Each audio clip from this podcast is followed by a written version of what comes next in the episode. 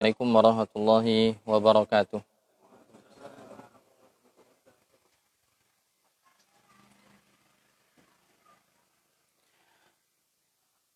Alhamdulillahi ala ihsanihi wa syukru lahu ala taufiqihi wa amtinanihi wa ashadu an la ilaha illallah wahdahu la syarika lah ta'ziman li sya'nihi wa ashadu anna muhammadan abduhu wa rasuluhu da'i ila ridwanih Allahumma salli wa sallim ala abdika muhammadin sahbihi wa ikhwanih Allahumma alimna ma yanfa'una wanfa'na bima 'allamtana wa zidna ilman ya rabbal alamin. Sahabat sekalian yang dimuliakan oleh Allah taala, teman-teman sekalian, kaum muslimin dan muslimat yang ikut menyaksikan kajian pada kesempatan malam hari ini, baik yang menyaksikan secara offline maupun yang mungkin ada yang ikut serta untuk menyaksikan secara uh, offline ataupun online di Facebook dan Instagram. Pada kesempatan malam hari ini kita akan melanjutkan kajian rutin di hari Senin membahas masalah adab-adat, adab-adab dan hukum-hukum terkait dengan safar yang akan kita bacakan dari kitab As-Safaru Adabun wa Ahkamun oleh penulis Syekh Muhammad Ibn Saleh Al-Munajjid hafizahullah taala Beliau salah satu dari murid dari Syekh Abdul Aziz Ibn Bas rahimahullahu taala. Dan di pertemuan yang lalu kita telah membahas adab-adab terkait dengan atau adab-adab dan hukum-hukum terkait dengan orang yang safar tapi sebelum berangkat ya, sebelum berangkatnya. Jadi sebelum berangkat apa saja yang akan dilakukan apa saja yang disunahkan untuk dikerjakan itu kita bahas di pertemuan-pertemuan yang lalu. Nah, sekarang kita akan masuk ke bagian yang kedua yaitu adabun asna as-safar, adab-adab ketika sudah di tengah safar.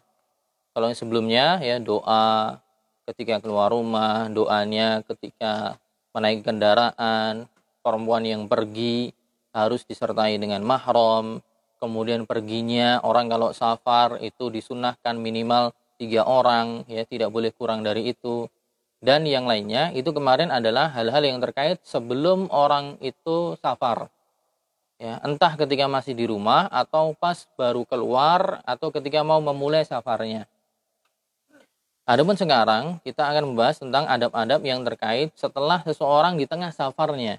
Ketika di tengah safarnya apa saja yang dituntunkan ya menurut bimbingan nanti dalam dalil Al-Qur'an dan hadis dan bagaimana para ulama menjelaskannya. Dan tentunya kita uh, di pertemuan terakhir kemarin kita membahas bahwa perempuan tidaklah boleh dia melakukan safar kecuali harus dengan mahramnya. Dan kemarin sudah dibahas juga bahwa mahram itu adalah orang yang diharamkan untuk dinikahi. Baik dari sisi laki-laki ataupun perempuan. Kalau yang ditinju adalah perempuan, berarti orang-orang yang haram dinikahi dari laki-laki siapa saja. Kalau orangnya laki-laki, berarti orang-orang yang haram untuk dinikahi perempuannya siapa saja. Dan kemarin sudah dibagi menjadi tiga bagian bahwa mahram itu bisa ditinjau dari sisi nasab, yaitu garis keturunan, bisa ditinjau dari sisi ar yaitu sepersusuan. Yang ketiga adalah mahram dari sisi al-musaharah atau hubungan apa? Hubungan besan yaitu gara-gara menikahnya lelaki dan perempuan kemudian nanti ada keluarga-keluarga yang akhirnya juga terkait hukum, hukum mahram. Dan kemarin sudah kita bahas. Sekarang kita berpindah ke tadi seperti yang kita sebutkan itu adab-adab terkait dengan safar namun di tengah safar. Apa saja? Yang pertama, An-naumu safar, tidur di kala safar. Tidur di kala safar. Qad yattarul musafiru ala turuqil barriyah ila naumi lirrahati min ana'is safar. Terkadang, kata Syekh Saleh Munajjid, seseorang yang melakukan safar perjalanan darat itu dituntut untuk tidur, istirahat dari lelahnya, letihnya melakukan safar di perjalanan darat. Ya, entah kereta, bus ataupun mobil, motor atau di zaman dulu tentunya perjalanan dengan kendaraannya hewan tunggangan. Entah keledai, entah onta atau kuda dan yang lain sebagainya. Walamma kana syara'ul mutahharu yurshidun nas lima fihi maslahatuhum al-ajilah wal-ajilah kana min jumlati dhalika irsyadul musafir lima kani naumih hatta la yu'dha min hawamil ardi wa dawabiha. Jadi dalam masalah istirahat, ya, dalam masalah istirahat ketika safar, ternyata syariat kita, ajaran kita itu menunjukkan hal itu. Alias mengarahkan bagaimana sih seseorang ketika beristirahat di tengah safarnya itu ada maslahat yang bisa diambil. Entah al-ajilah, maslahat yang secara cepat langsung bisa dirasakan atau maslahat yang akan datang. Dan ternyata ada petunjuk dari Nabi SAW, seorang yang musafir, bagaimana dia memilih tempat untuk dia tidur. Agar apa? Kenapa dia harus memilih tempat dia tidur? Hatta la yu'dha min hawamil ardi. Agar dia tidak tersakiti atau tidak diganggu oleh hewan melata. Ya. Hewan melata atau yang sejenisnya. Disebutkan dalam hadis riwayat Muslim dari Abu Hurairah radhiyallahu anhu, Rasulullah SAW mengatakan, "Idza safartum fil khisbi fa'atul ibila hadzaha minal ardi." Nabi mengatakan, kalau Anda safar di tanah yang al-khisb, khisb itu tanah yang subur, yang di situ tanahnya juga ditumbuhi rumputan yang banyak, alias sumber makanan hewan yang ditunggangi oleh si musafir. Nah, kalau Anda safar di tempat yang seperti ini, a'tul ibila hazzaha minal ardi. Berikanlah bagian untuk ibil, yaitu onta tungganganmu untuk makan dulu. Ya, suruh dia makan yang banyak, konsumsi yang banyak agar tenaganya bisa terkumpul atau mungkin kalau bahasa kita bisa ngarit dulu ya diambil sebagian apa namanya rumputannya bisa dibawa sebagai bekal itu bagus. Wa idza safartum fis sanati fa asri'u 'alaiha sair. Tapi kalau Anda pas safar melewati tanah yang agak keras, tandus, maka bersegeralah untuk apa melakukan perjalanan agak cepat jalannya. Wa idza arrastum namun jika Anda arrastum at-ta'aris, ta'aris itu maksudnya adalah orang yang melakukan safar di siang hari dan mengambil malam hari sebagai waktu untuk istirahat. Itu namanya ta'aris. Kalau Anda safar memakai metode ta'aris yaitu melakukan perjalanan di siang hari di kala matahari ada. Tapi kalau sudah masuk mulai malam tidak melakukan safar lagi. Tapi berhenti cari tempat ya kemah atau apa kemudian istirahat nanti dilanjut lagi esok pagi.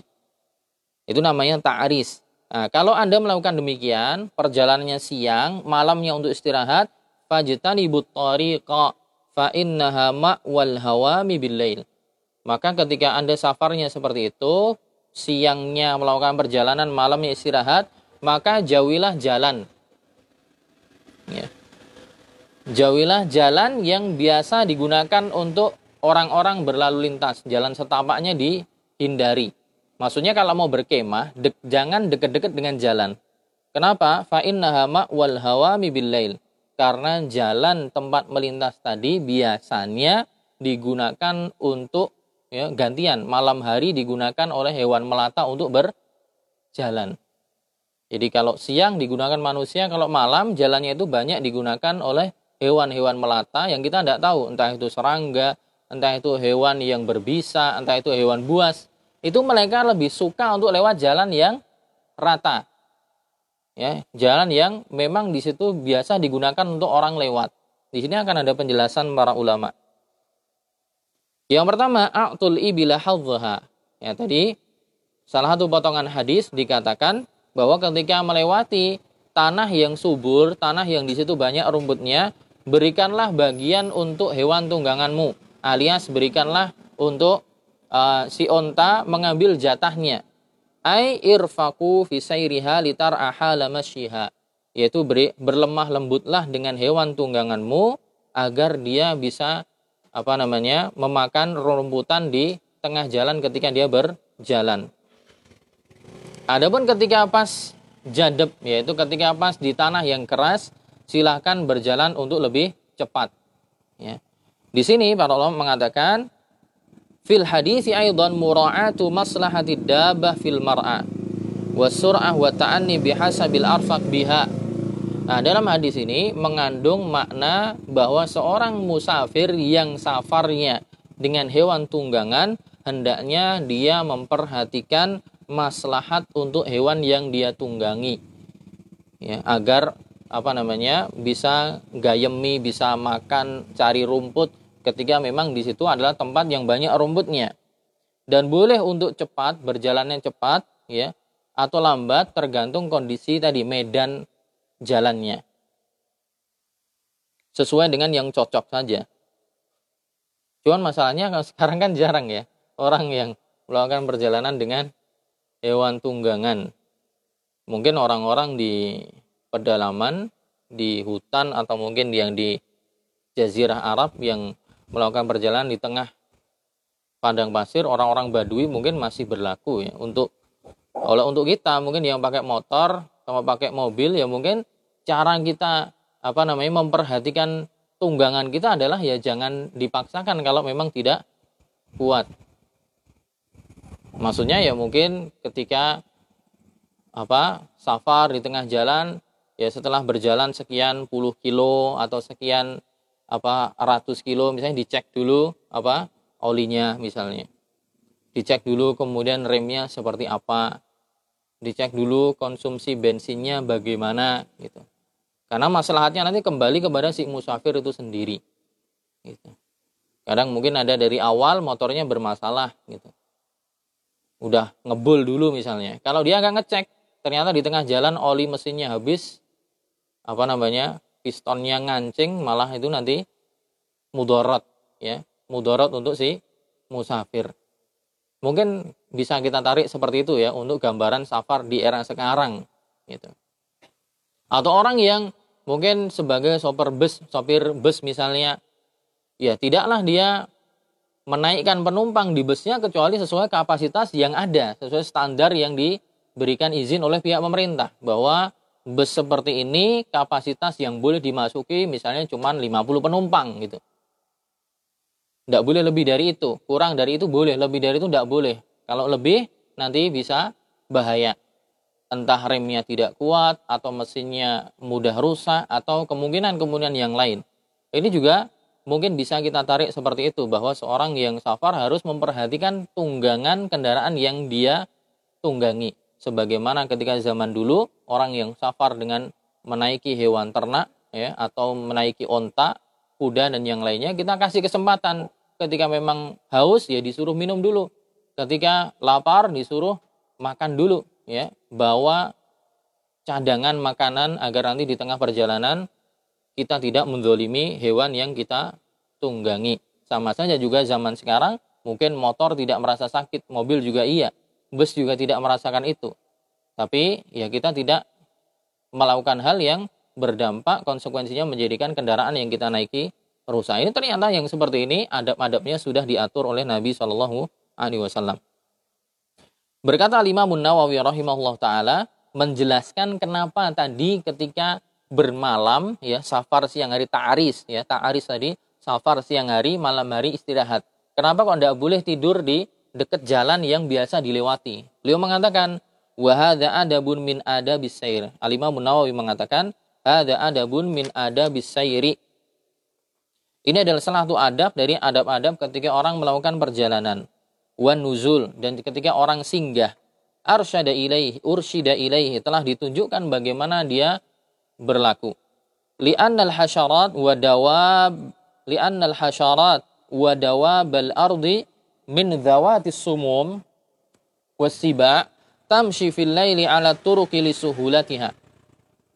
Kenapa kita ya oleh Nabi SAW diarahkan jangan cari tempat tidur, tempat singgah di dekat jalan yang kita lewati. Kata Imam Nawawi, karena ketika malam hari, ya, serangga dan juga hewan melata yang lain, entah itu yang zawatus sumum, yaitu yang punya bisa, ya, kalau jengking, kemudian apa namanya ular dan yang lainnya, asiba juga apa hewan buas, serigala, musang, hina atau eh, macan dan yang lainnya, tamshi fil laili ala turuqi suhulatiha. Mereka lebih suka lewat jalan yang tadi yang memang sudah biasa dilewati sebagai jalan. Karena lewat sini lebih gampang daripada lewat yang banyak semaknya. Maka hewan-hewan itu cenderung lebih suka lewat jalan yang sudah lumayan rata atau halus. Maka kalau kita terlalu dekat dengan itu, eh, kemungkinan nanti didatangi oleh hewan-hewan buas tadi. Wali annaha taltaqitu minha ma yasqutu min ma'kulin wa nahwi. Sebab yang lainnya selain hewan-hewan tadi lewat situ lebih mudah, bisa jadi hewan-hewan ini apa mencari turaan. Apa tibunan. Ya bahasa Indonesia apa? Sisa-sisa makanya ada orang safar gitu kan makan apel dibuang. Makan pisang kulitnya dibuang. Atau lewat makan ayam terus tulangnya dibuang. Nah, di jalan itu hewan-hewan ini ketika malam hari hewan apa ya? Katanya kalau malam hari apa? Nokturnal ya. Hewan yang bergerak di malam hari. Iya bener gak istilahnya? Sering lihat itu nggak? Nasional geografik ya. Hewan nokturnal hewan yang aktif di malam hari. Ya, dia nyari itu. Ada bekas-bekas makanan di situ cari. Ya, ternyata di sampingnya ada orang yang tadi habis makan dicokot misalnya digigit. Nah itu apa namanya uh, hikmahnya di situ kata lima Nawawi rahimahullah taala. Wa mata jidu fiha min rummatin wa nahwiha fa idza arrasal insanu fit tariqi rubbama marra bihi minha ma yu'dhi.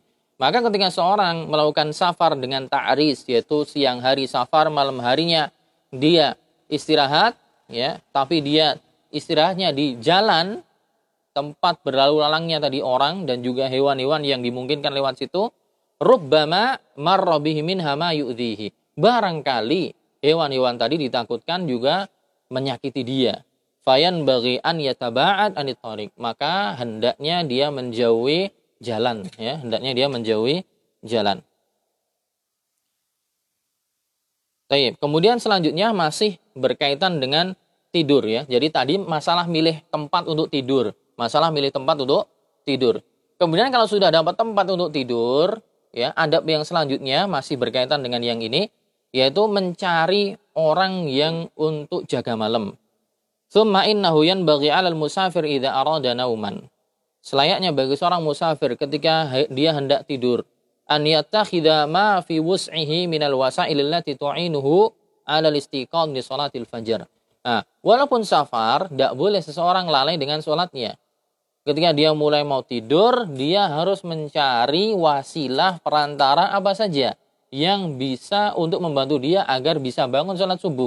Ya, bisa bangun sholat subuh. Sekarang lebih mudah insya Allah setiap orang punya gadget ya punya jam ya jam dipencet ada alarmnya gadgetnya HP-nya juga bisa ada alarm untuk bangun tidur biar bisa bangun untuk sholat fajar sholat subuh atau mungkin mendekati fajar bisa biar bisa sholat witir misalnya dan itu dulu dilakukan oleh Nabi SAW Rasulullah SAW karena yahtatu lidhalik beliau jaga-jaga untuk tetap menjaga sholatnya dari Abu Hurairah radhiyallahu anhu disebutkan dalam hadis riwayat Muslim dan riwayat Imam An-Nasai.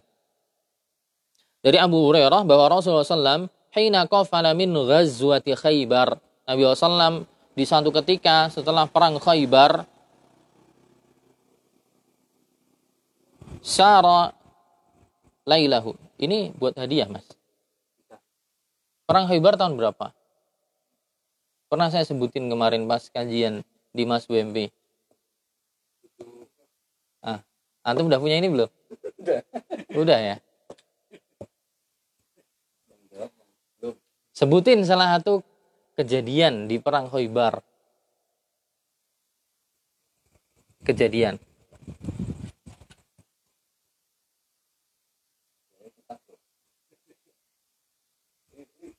Nabi diapain itu?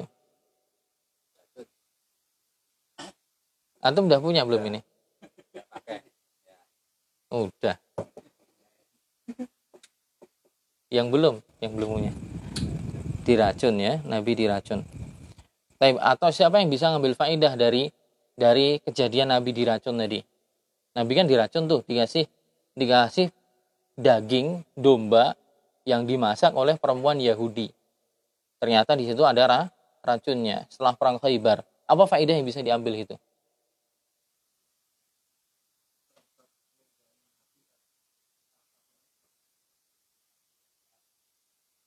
Oke. Okay. Udah punya ini? Metode ahli sunnah dalam bermuamalah dengan penguasa. Belum. Ustaz Abdul Aswad Al-Bayati. Ringkasannya beliau. Oke. Iya, Nabi SAW salah satu sebab wafatnya adalah karena bekas racun yang beliau konsumsi setelah perang Khaybar. Ya.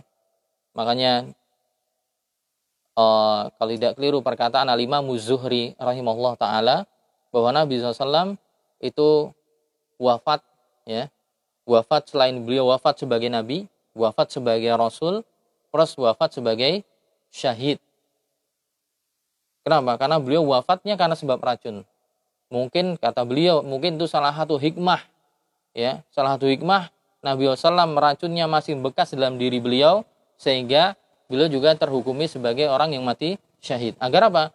Agar derajat beliau wafatnya itu nggak ada orang lain yang bisa menandinginya. Beliau wafat sebagai nabi, wafat sebagai rasul, plus wafat sebagai syahid.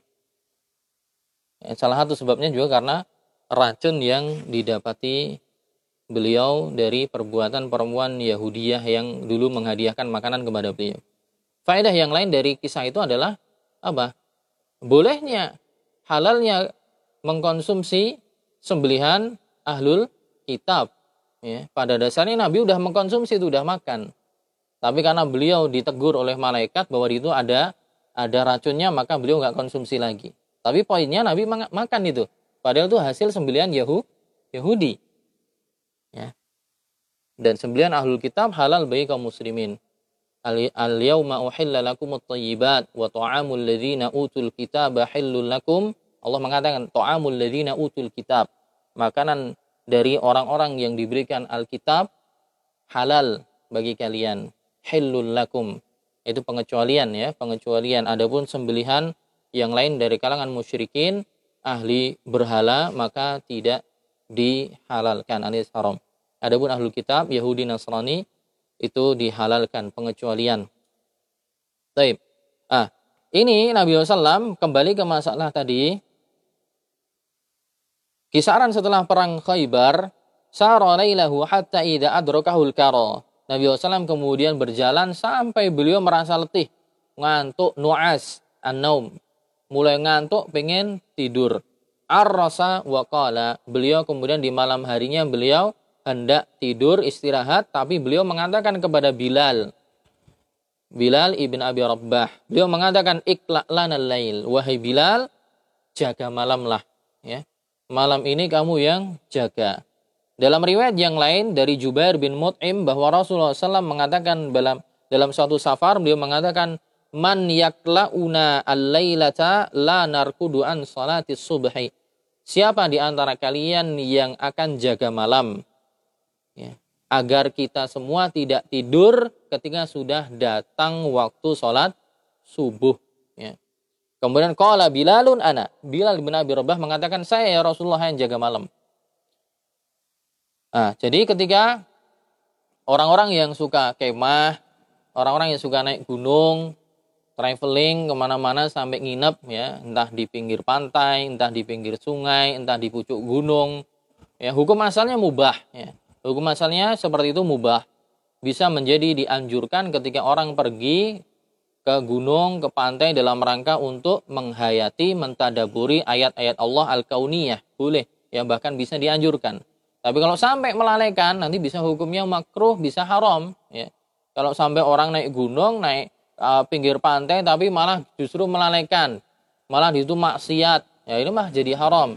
Ya tergantung niat dari masing-masing. Nah, salah satu upaya agar safar yang seperti itu atau bepergian yang seperti itu tidak menjadi terlarang, ya tetap menjaga sholatnya.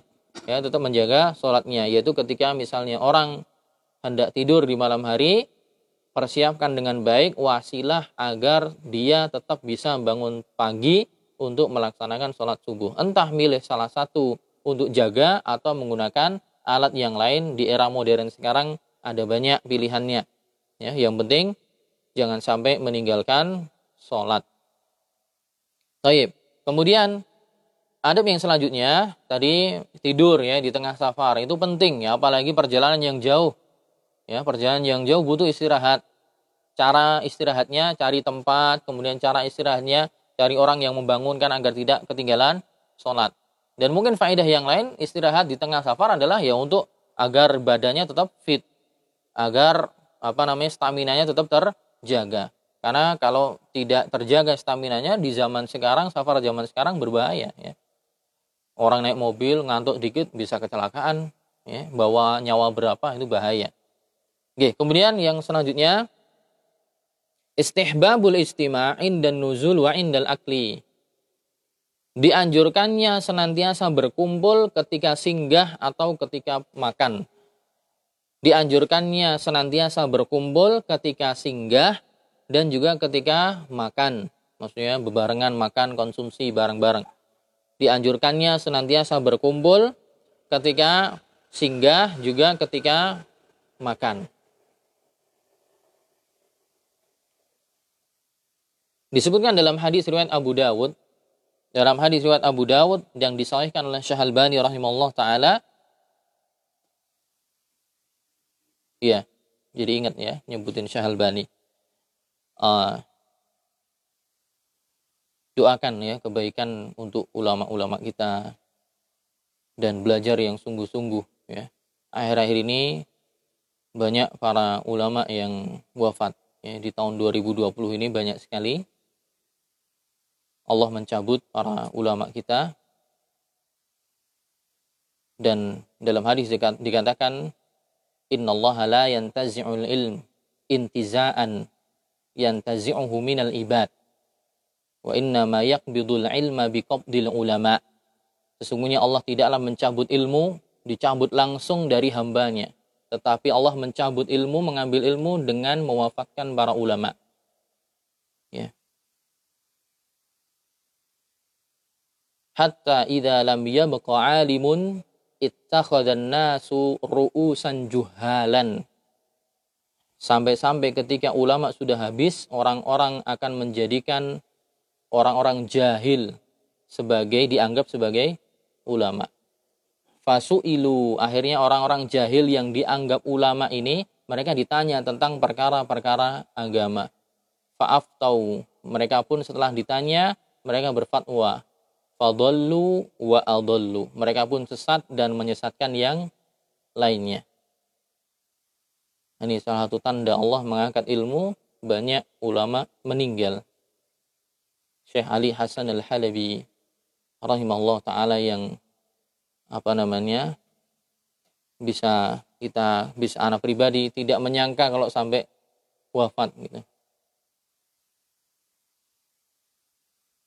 Uh, saya biasanya rata-rata yang lain sembuh gitu, kena virus corona kemudian dirawat sembuh. Ya qadarullah. Allah menakdirkan dengan sebab virus itu ternyata itu menjadi ajal bagi beliau rahimahullah taala. Dan beliau adalah salah satu dari murid seniornya Syekh Albani rahimahullah taala. Syekh Nasiruddin Al-Albani punya murid di antaranya yang senior adalah Syekh Ali Hasan Al-Halabi yang sering ke Indonesia. Setiap tahun paling tidak beliau daurah ya biasanya di Malang di Batu Malang saya pernah ikut sekali 2017 2017 itu yang ngisi waktu itu Syekh Ali Hasan Al-Halabi Dr. Musa Alu Nasr kemudian Syekh Profesor Dr. Ziyad Al-Abbadi muridnya Syekh Albani semua setelah 2017 itu selang berapa bulan yang wafat Syekh Dr. Musa Alu Nasr yang ahli kiroat wafat kecelakaan naik mobil ketika ingin pergi ke Saudi untuk umroh kalau tidak keliru. Ternyata berapa tahun setelahnya Syekh Ali Hasan. Ya. Tahun ini banyak sekali ya.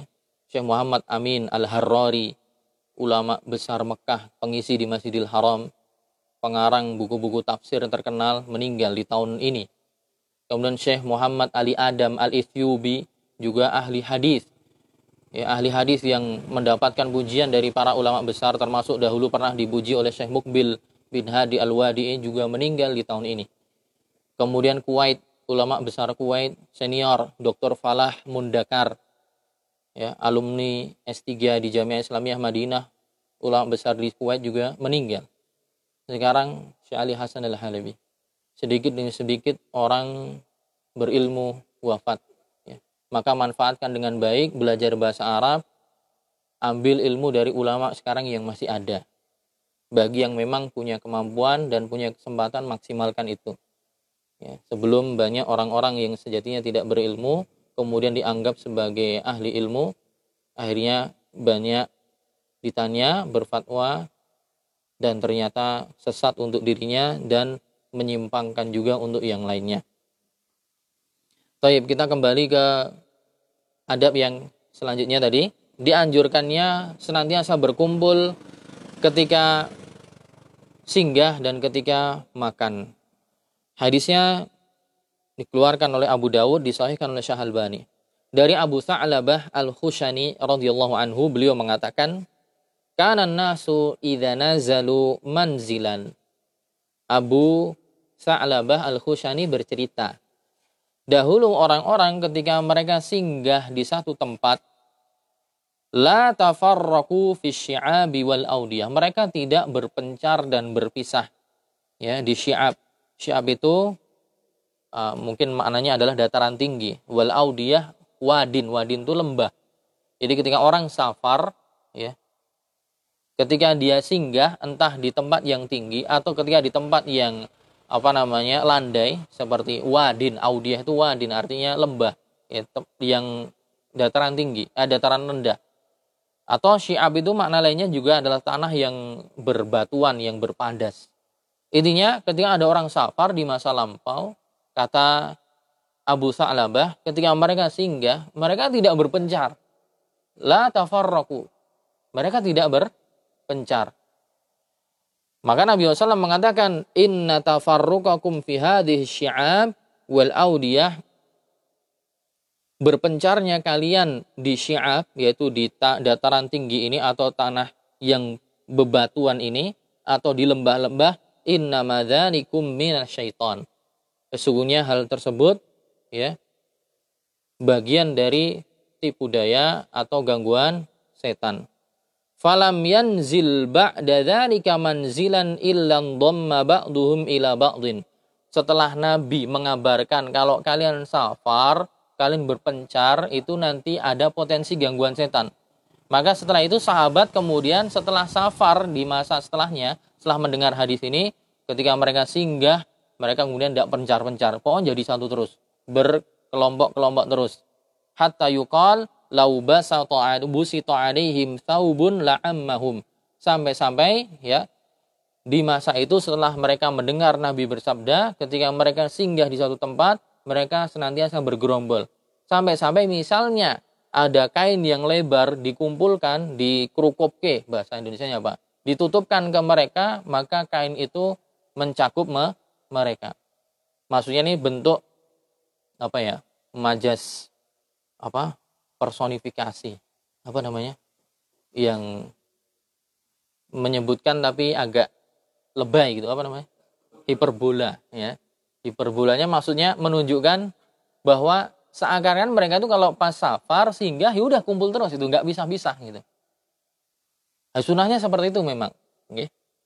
jadi ketika orang safar pergi naik gunung malah pencar-pencar itu Mas Gatot itu tidak bagus, nggih. Tidak bagus dan hikmahnya banyak tentunya.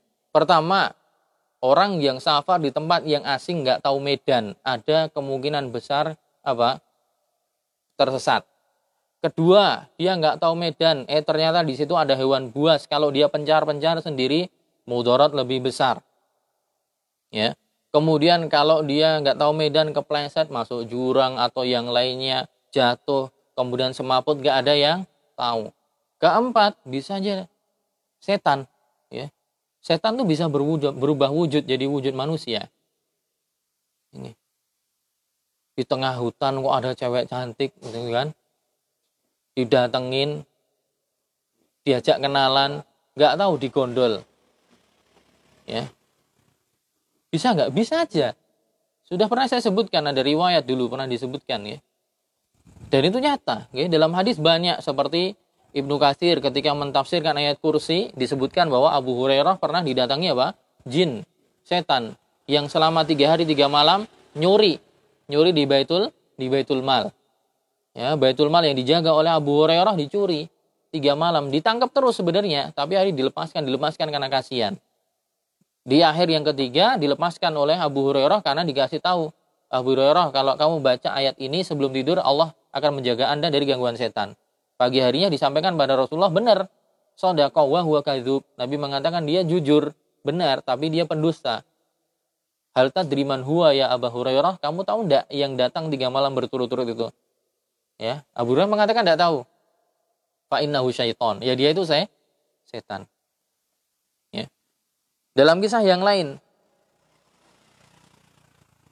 Syekh Saleh Al-Usaimi hafizallahu taala, salah satu ulama besar di Saudi, ya pernah menceritakan. Mungkin pernah ceritanya saya ceritakan, ceritakan di sini tapi saya ulang lagi tidak apa-apa. Beliau mengutipkan ya kisah tala'ubus syaitan bil ins. Yaitu setan memain-mainkan manusia. Ya. Beliau suatu ketika uh, Syekh Saleh men, menjelaskan kitab Fadlul Islam. Nah, ada buku Fadlul Islam yang ditulis oleh Syekh Muhammad bin Abdul Wahab. Di tema buku itu salah satunya adalah ada pembahasan tentang setan yang mempermainkan manusia, membuat tipu daya kepada manusia. Kemudian Syekh Saleh Al-Usaimi memberikan kisah. Yang mana kisah ini dibawakan sebelumnya oleh Syekhul Islam Ibnu Taimiyah rahimahullah taala. Ya. Bahwa Syekhul Islam menyebutkan ada seseorang yang belajar kepada syekh, kepada guru. Seorang santri, murid belajar kepada guru. Ya, mungkin sebelumnya saya pernah sebutkan di sini santri ini, murid ini belajar kepada guru itu. Rajin berangkat gitu kan. Di satu waktu kemudian gaib gak hadir tanpa keterangan absen. Kemudian syekhnya yang peduli dengan muridnya tanya kepada murid yang lain, Fulan aina Fulan. Apakah dia sakit? Ya.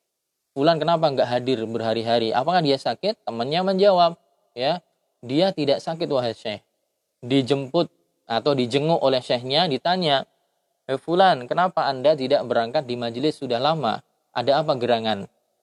Muridnya tadi mengatakan, ya, "Wahai syekh, saya itu belajar kepada Anda untuk masuk surga." Ya. Dalam hadis, ya kan?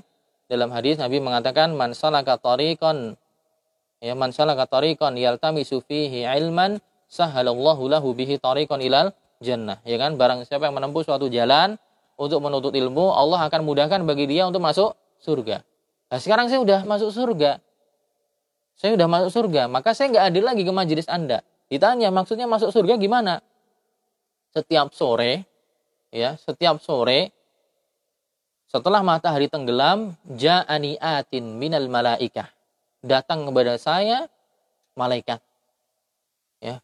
Wa wa dhahaba bi ilal jannah dia pergi bersamaku ke surga. Saya diajak sama dia pergi ke surga, main-main di surga. Sampai ketika sebelum waktu fajar saya diajak pulang gitu. Jadi diajak ke surganya cuma malam doang. Kalau sudah mau fajar, dia apa? Diajak pulang. Syekhnya ngomong, "Ana ma'ak." Ya udah, saya ikut sama kamu gitu. Akhirnya di hari esoknya syekhnya datang dengan muridnya tadi nunggu orang yang biasa ngajak ke surga. Datanglah dia. Datanglah dia, kemudian si murid tadi mengatakan, ini fulan yaitu gurunya ingin pergi bersama kita. Tapi ya udah diajak. Akhirnya mereka bertiga diajak pergi ke surga. Setelah sampai ke surga, yang ngajak pergi. Tinggal dua orang ini melihat apa namanya pohon-pohon yang indah, sabana, stepa, pokoknya hijau semuanya, sungai mengalir, indah semuanya. Sampai ketika sudah kata Syekh Usaimi hatta idza infajarul fajru ya ketika sudah mau datang waktu fajar orang tadi datang lagi hayya narji udah kita pulang udah habis waktunya Syekhnya ngomong ya la narji saya tidak mau pulang kita nggak mau pulang udah di surga ngapain pulang lagi bukannya ini yang kita cari gitu kan ngapain pulang lagi si orang tadi mengatakan narji, labud an narji. Wajib kita pulang. Syekhnya mengatakan enggak, tetap di sini, kita nggak pulang. Akhirnya yang ngajak apa? Marah, ngambek. Ya udah, sakarepmu. Dia pergi akhirnya. Hatta idza tala'at syams, idza tala'at syamsu fa inna fa idza huma fi zubalati ahli Baghdad. Sampai ketika matahari sudah menyingsing ke atas, sudah terang benderang, ternyata mereka berdua berada di pembuangan sampah piungan. Ya, maksudnya apa? Pembuangan sampah di Baghdad di Irak. Jadi ternyata mereka ber, mereka itu atau si murid tadi ya selama ini diajak ke surga itu ternyata dia di tengah tempat sampah penduduk Bag, Baghdad. Syekhnya kemudian ngomong, "Hada syaitanun abu bika." Tadi itu setan yang dia mempermainkan dirimu. Ya. Dalam kisah yang lain, Ibnu Taimiyah juga menyebutkan Ibnu Taimiyah dulu termasuk ya ulama yang dipenjara oleh penguasa di waktu itu ya oleh penguasa di waktu itu. Ketika beliau dipenjara ditahan kemudian tersebar berita di tengah masyarakat bahwa Ibnu Taimiyah setiap hari ini waktu ini ngisi kajian di kampung tertentu tempatnya ini masjidnya ini. Akhirnya kabar itu sampai kepada khalifah kepada penguasa Khalifahnya, penguasanya kemudian merasa heran. Orangnya bukannya di penjara, kenapa bisa ngisi kajian? Nah, dia kemudian khalifahnya atau sultannya kemudian menuduh para penjaga penjaranya berdusta, berkhianat. Semua diinterogasi. Kamu ngeluarin Ibnu Taimiyah ya, sehingga bisa ngisi kajian. Mereka mengatakan tidak. Akhirnya kemudian datang ke Ibnu Taimiyah diinterogasi. Ibnu Taimiyah, benar kamu setiap hari keluar di sana untuk ngisi kajian di desa ini, kampung ini, tempatnya ini. Ibnu Taimiyah mengatakan tidak. La'allahu jinniyun. Ya. Kata apa? Kata Utemiyah bisa saja itu jin yang ngisi kajian di tempat saya. Sultannya mengatakan, lima takul innahu malakun minal malaikah. Kenapa kamu katakan jin? Kenapa kamu nggak bilang bahwa yang mengisi kajian yang menyerupakan dirinya seperti Ibnu Taimiyah ini adalah malaikat? Ibnu Taimiyah menjawab, li'annal malaikata la yakdzibun. Saya tidak mengatakan itu malaikat karena malaikat itu nggak mungkin mereka berdus dusta. Yang berdusta itu pasti jin. Ya. Malaikat tidak bakalan berdusta karena malaikat la ya'sunallaha ma amarahum ya wa yaf'aluna ma yu'marun. Allah apa malaikat tidak akan bermaksiat kepada Allah Subhanahu wa taala. Salah satu bentuk maksiat adalah berdusta. Ya. Jadi hal-hal kayak gini bisa aja terjadi. Ya. Maka seorang ketika safar di tempat yang asing atau safar-safar model jelajah pantai, jelajah gunung, naik gunung, tempat yang asing, hendaknya mereka senantiasa bergerombol. Kalau ada pemandunya senantiasa bersama pemandu, jangan sendiri-sendiri, ya ditakutkan entah ada hewan buas, entah tersesat atau tadi gangguan setan. Ya, setan berbuat-buat seperti itu, menyamar seakan-akan wajahnya temennya. Wah, itu temen ngajak ayo kan lewat kene lo akhirnya diajak lewat sana. Ternyata muter-muter ya, balik situ lagi nggak sampai-sampai. Ya, bagi yang naik gunung masih sering ya mendapatkan kayak gini. Ya ketemu orang yang dianggap kayak temennya atau dianggap siapa tapi ternyata bukan. Ya, itu bahaya. Ya, apalagi kalau kita tidak terbiasa untuk zikir ya. Tidak terbiasa untuk zikir kadang juga mungkin sholatnya bolong-bolong itu paling mudah sekali untuk disesatkan ya, untuk diganggu.